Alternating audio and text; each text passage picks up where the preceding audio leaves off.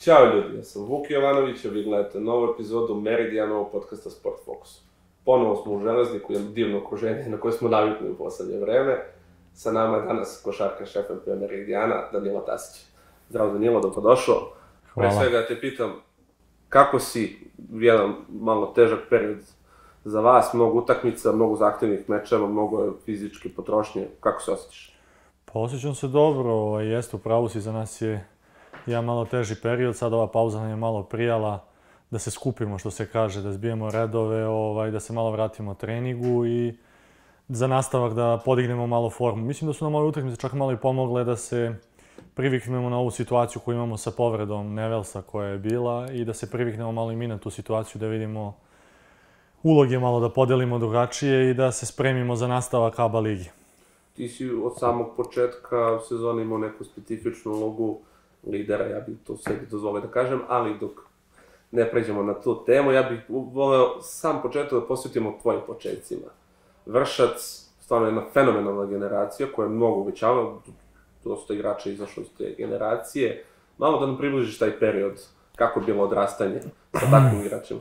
Pa, ja sam i počeo da treniram košarku u Vrštu, sestra mi je igrala za prvo za juniore Hemofarma i posle za prvi tim i dugo godina je bila tamo, tako da ja sam i počeo košarku da treniram u Vršcu i bio sam tu i kasnije dolazi tamo sa nekih mojih 16 godina, pravi se ta generacija, prvo 9-2 na 9-3 i onda posle 9-3 generacija sa 9-4.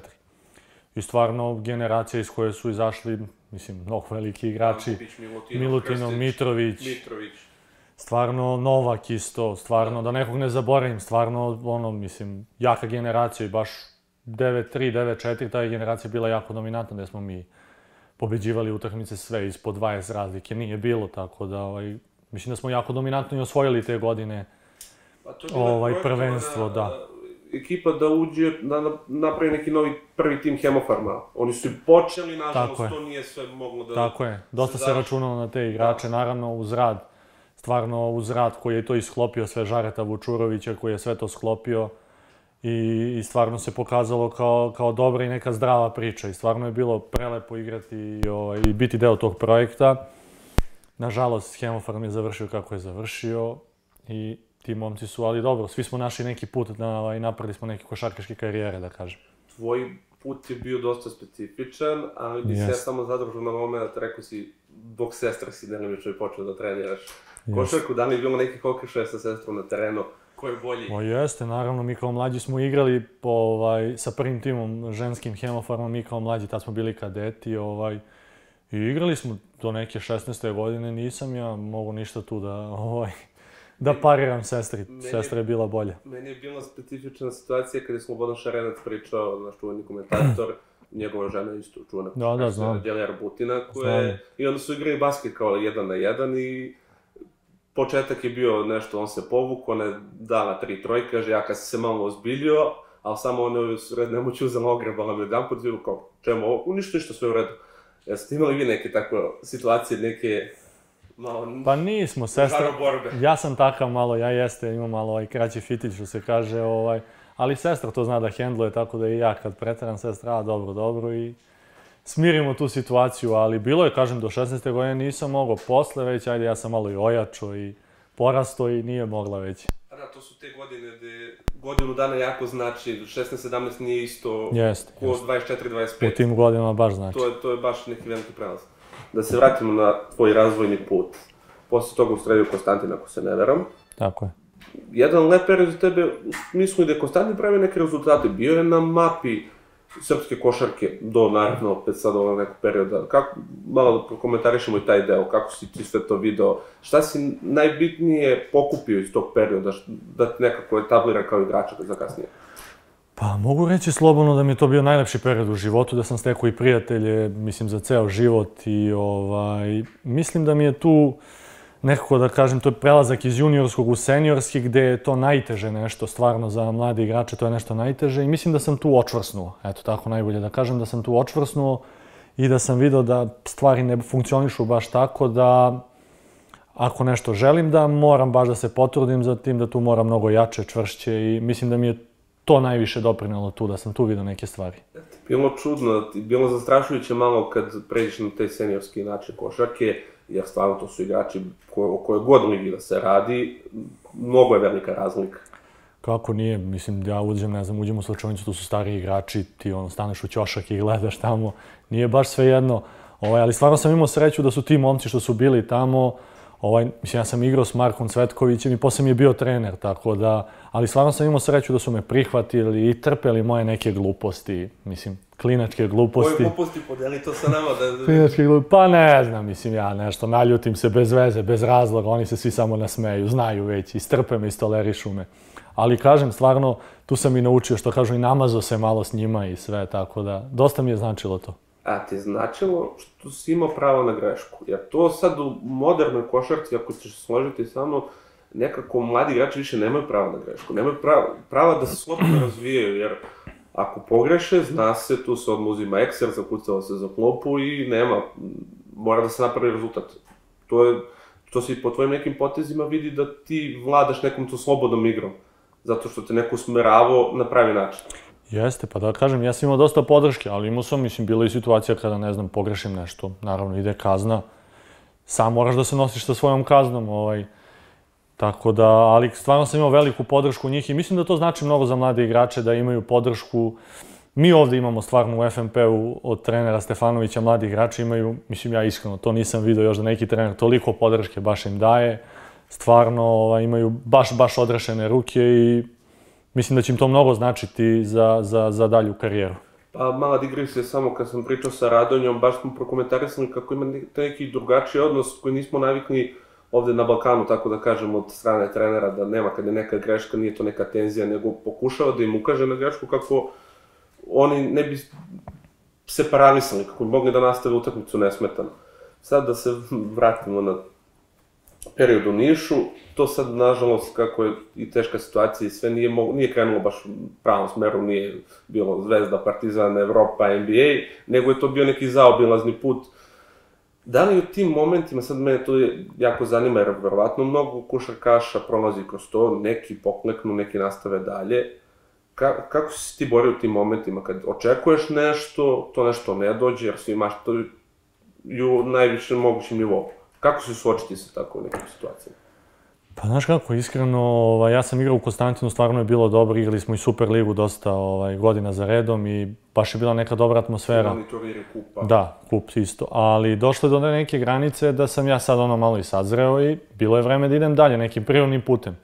I ovaj, čekali smo, čekao sam neke ponude, stvarno bile su neke ponude tu iz, da kažemo, poznatih imena klubova, ali finansijski deo nije bio taj koji me zadovoljava. I išao sam nekako, pojavila se ta Rumunija i počeo sam u Rumuniji svoju inostranu karijeru i stvarno nekim zaobilaznim putem, ali opet eto kao neki taj finansijski deo je bio ok, pa smo krenuli, pa to je bilo kao na godinu dana, međutim taj put se malo odužio, što se kaže. E, to su mnogo stručnjaci košarkaši stavljali u prvi plan da naši mladi igrači odlaze tako Rumunija, Bugarska, Mađarska, samo zato što su bolje finansijske situacije, jer tamo njihovim prvoligaša nego kod naš, ali da ne računamo FNP, Mega, Zvezda, Partizan. E, nisi mogao da pre, prebrodiš to da ostaneš.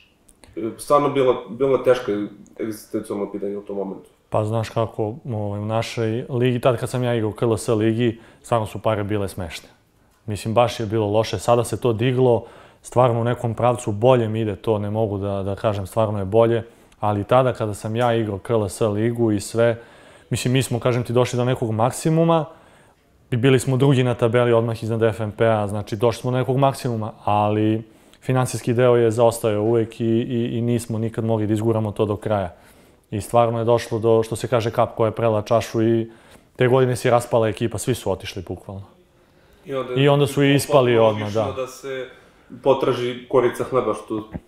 E, sad te igre u Rumuniji i Bugarski si igra stvarno na jednom visokom nivou, ali opet, e, verovatno bilo i komentara nekih onako negativnih, aj igraš u Rumuniji, igraš u Bugarskoj. Kako si se s tim nosio? Da nastaviš dalje i da nastaviš da dominiraš, posle ćemo doći do tvog, tvoje posljednje sezone u Bugarskoj, koja je stvarno bila impresivna. Pa znaš kako, ovaj, nije me to mnogo doticalo, ja sam imao svoj cilj, Teško je kad odeš tamo u inostranstvo, znači oni te isto gledaju, bukvalno kofere su ti spakovani, ne odigraš dve utakmice, ideš kući odmah, mislim, to je tamo tako.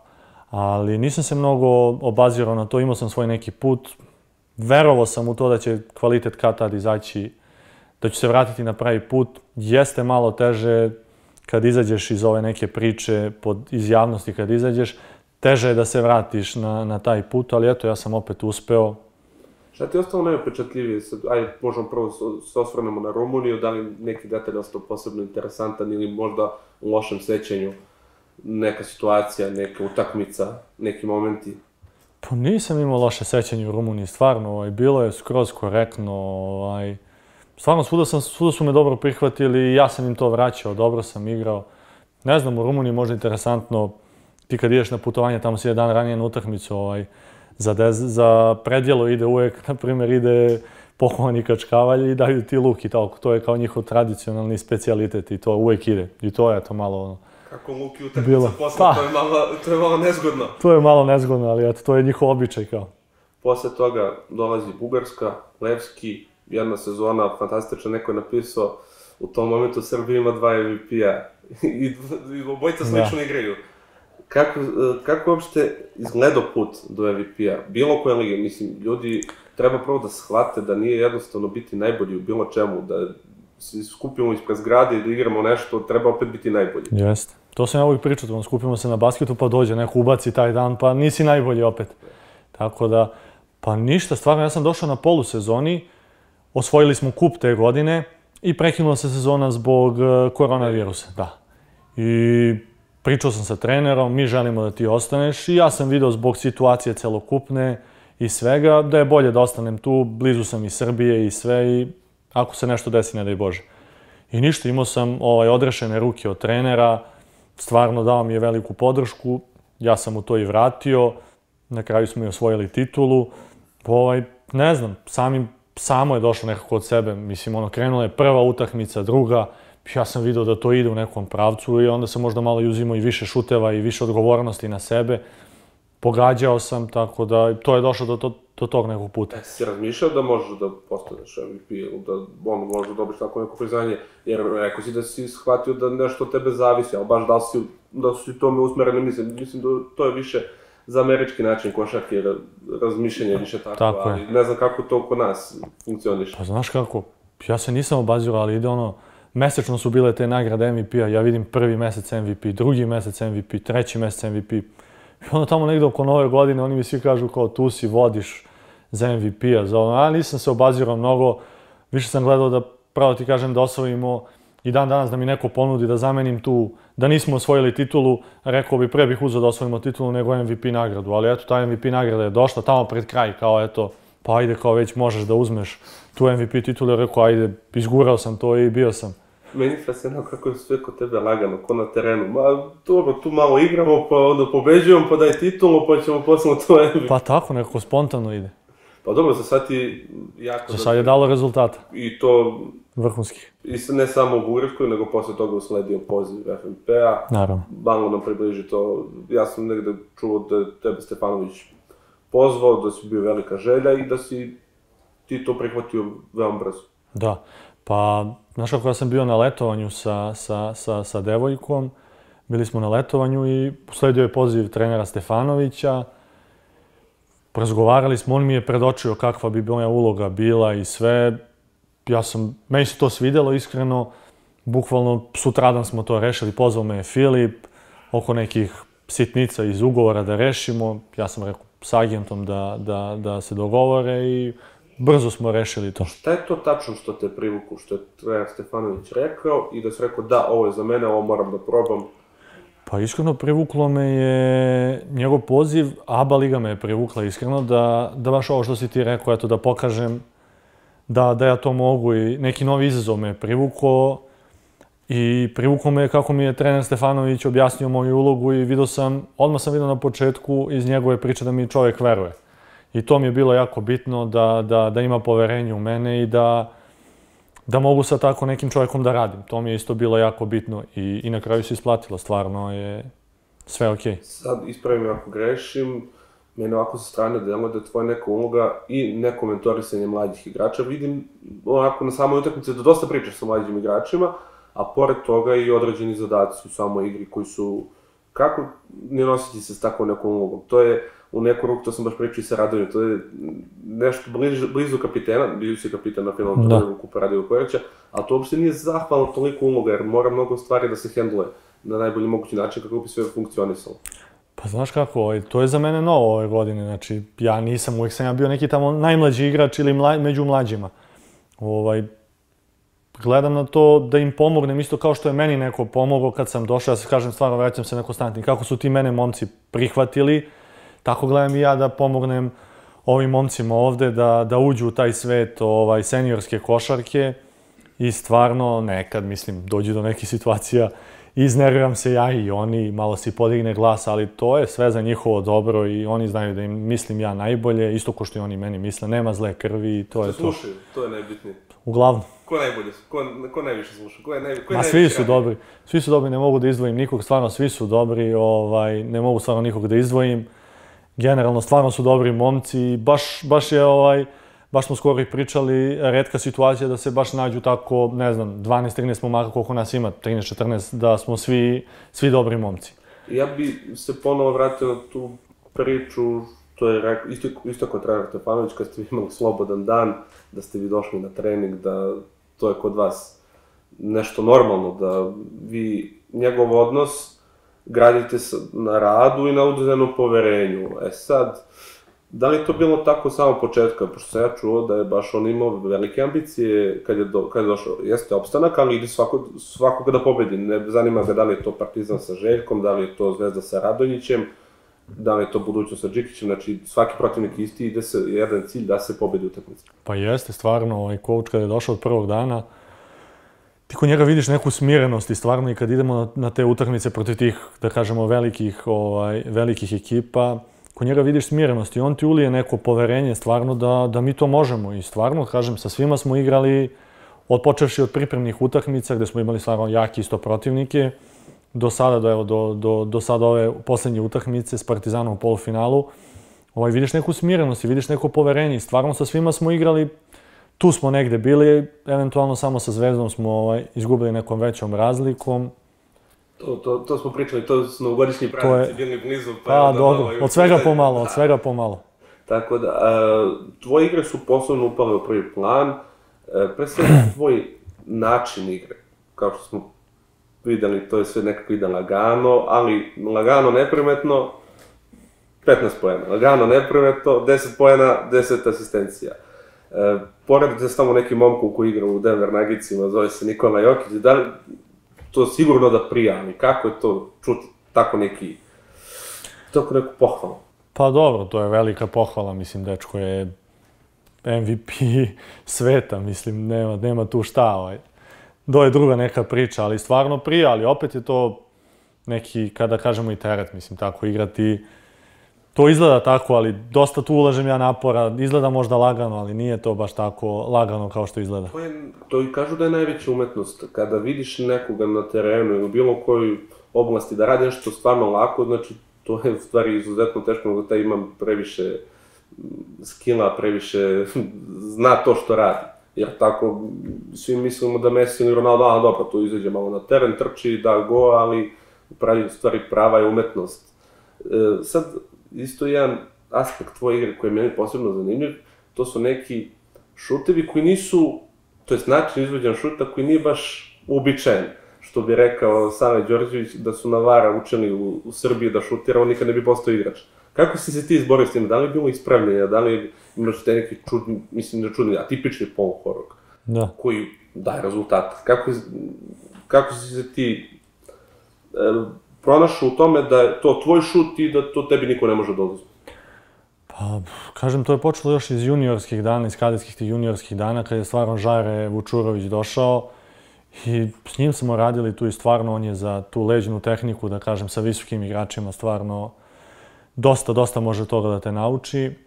I tu je odatle krenulo i onda sam posle ja to godinama ovaj, i razvijao i sve i došao sam do nekog svog, eto, nekog načina šuta i vidio sam da to dobro ide i uzimam taj šut sad, ne os- ne osvrćem se mnogo šta će neko da kaže, da li to izgleda lepo, da li to izgleda ružno, da li će to ući ili neće ući. Ja to radim i mislim da dobro ide i zato i to i šutiram. Da li ti je neki trener rekao, Taso, nemoj to, ajde, promeni malo, ispravi mehaniku i promeni način izbačaja, kako... Ili, ili uopšte nije bilo susreta s takvim? Pa nije, iskreno, nije iskreno. Ja sam generalno s trenerima uvek imao korektnu relaciju. Ovaj, dođemo do tog nekog nivoa gde nešto može, nešto ne može i to je to. Nisam imao, nisam stvarno imao problema s tim. Znači, lagano se sve dogovorite. Da, da, to, nije bilo. Tako i iz te neke, iz tog nekog dogovora su izašli i rezultati FNP-a koje moramo da spomenemo, stvarno jedna impresivna polusezona, sad je bila mala kriza, ali delo mi da, da to i za vas i da ćete tek u narednom periodu pokazati šta možete i da ovde nije kraj, kao što je Radonja rekao, pravit ćemo još iznenađenja, samo nam treba malo vremena. Da li si ti saglasan sa tim? Pa nadam se da jeste, stvarno zadesila nas je ova povreda Gereta Nevelsa u, baš u teškom trenutku i tu sad smo malo, kažem, opet pronašli neke uloge i podelili drugačije uloge, a nas su zadesile neke jače utakmice i opet smo tu izgubili nešto na pola, na pola, na pola lopte, nešto na pola koša smo izgubili. Nadam se da sada imamo, imamo neke utakmice gde trebamo da pokažemo se u boljem svetlu i ja isto verujem, mislim svi verujemo da ćemo da ćemo pokazati naše pravo lice i da ćemo napraviti još neka iznenađenja i nadam se naravno plasmanu u top 6. Sad polako privodimo kraju. Sad si mi pretposlednje pitanje ukrao. Ja stvarno verujem da vi kako igrate, pogotovo kako ste koherentne na sredinu, da to stvarno možete, bukvalno šta poželite da ostvarite na terenu. Tvoji planovi za budućnost, da li je Tusko vezano za FNP, da li, imaš, da li vidiš sebe da možda se oprobaš u Evrokupu, u Euroligi? Kako pa se... dobro, ne znam, iskreno, kao i svake godine, ja gledam da završim sezonu u što najbolje mogućem redu, ovaj, da damo maksimum, da vidimo dokle ćemo stići. Pa na kraju sezone razmišljam iskreno o sledećoj godini. Meni je zaista ovde lepo u, u FNP u Železniku, stvarno ovaj, uživam u, u, u ovoj sezoni, tako da nisam razmišljao iskreno ništa za, za, za dalje, za nastava karijere. Hvala ti na ovom divnom razgovoru. Ja se nadam da ćemo imati još prilike ovako divno da se družimo i da možda proslavimo neki uspeh FNP-a u naravno u skorijoj budućnosti. Nadam se i ja. Hvala i vama što ste došli. Ljudi, to bi bilo to. Znate šta treba da radite. Like, share, subscribe, a mi se vidimo i naredne nedelje. Veliki pozdrav!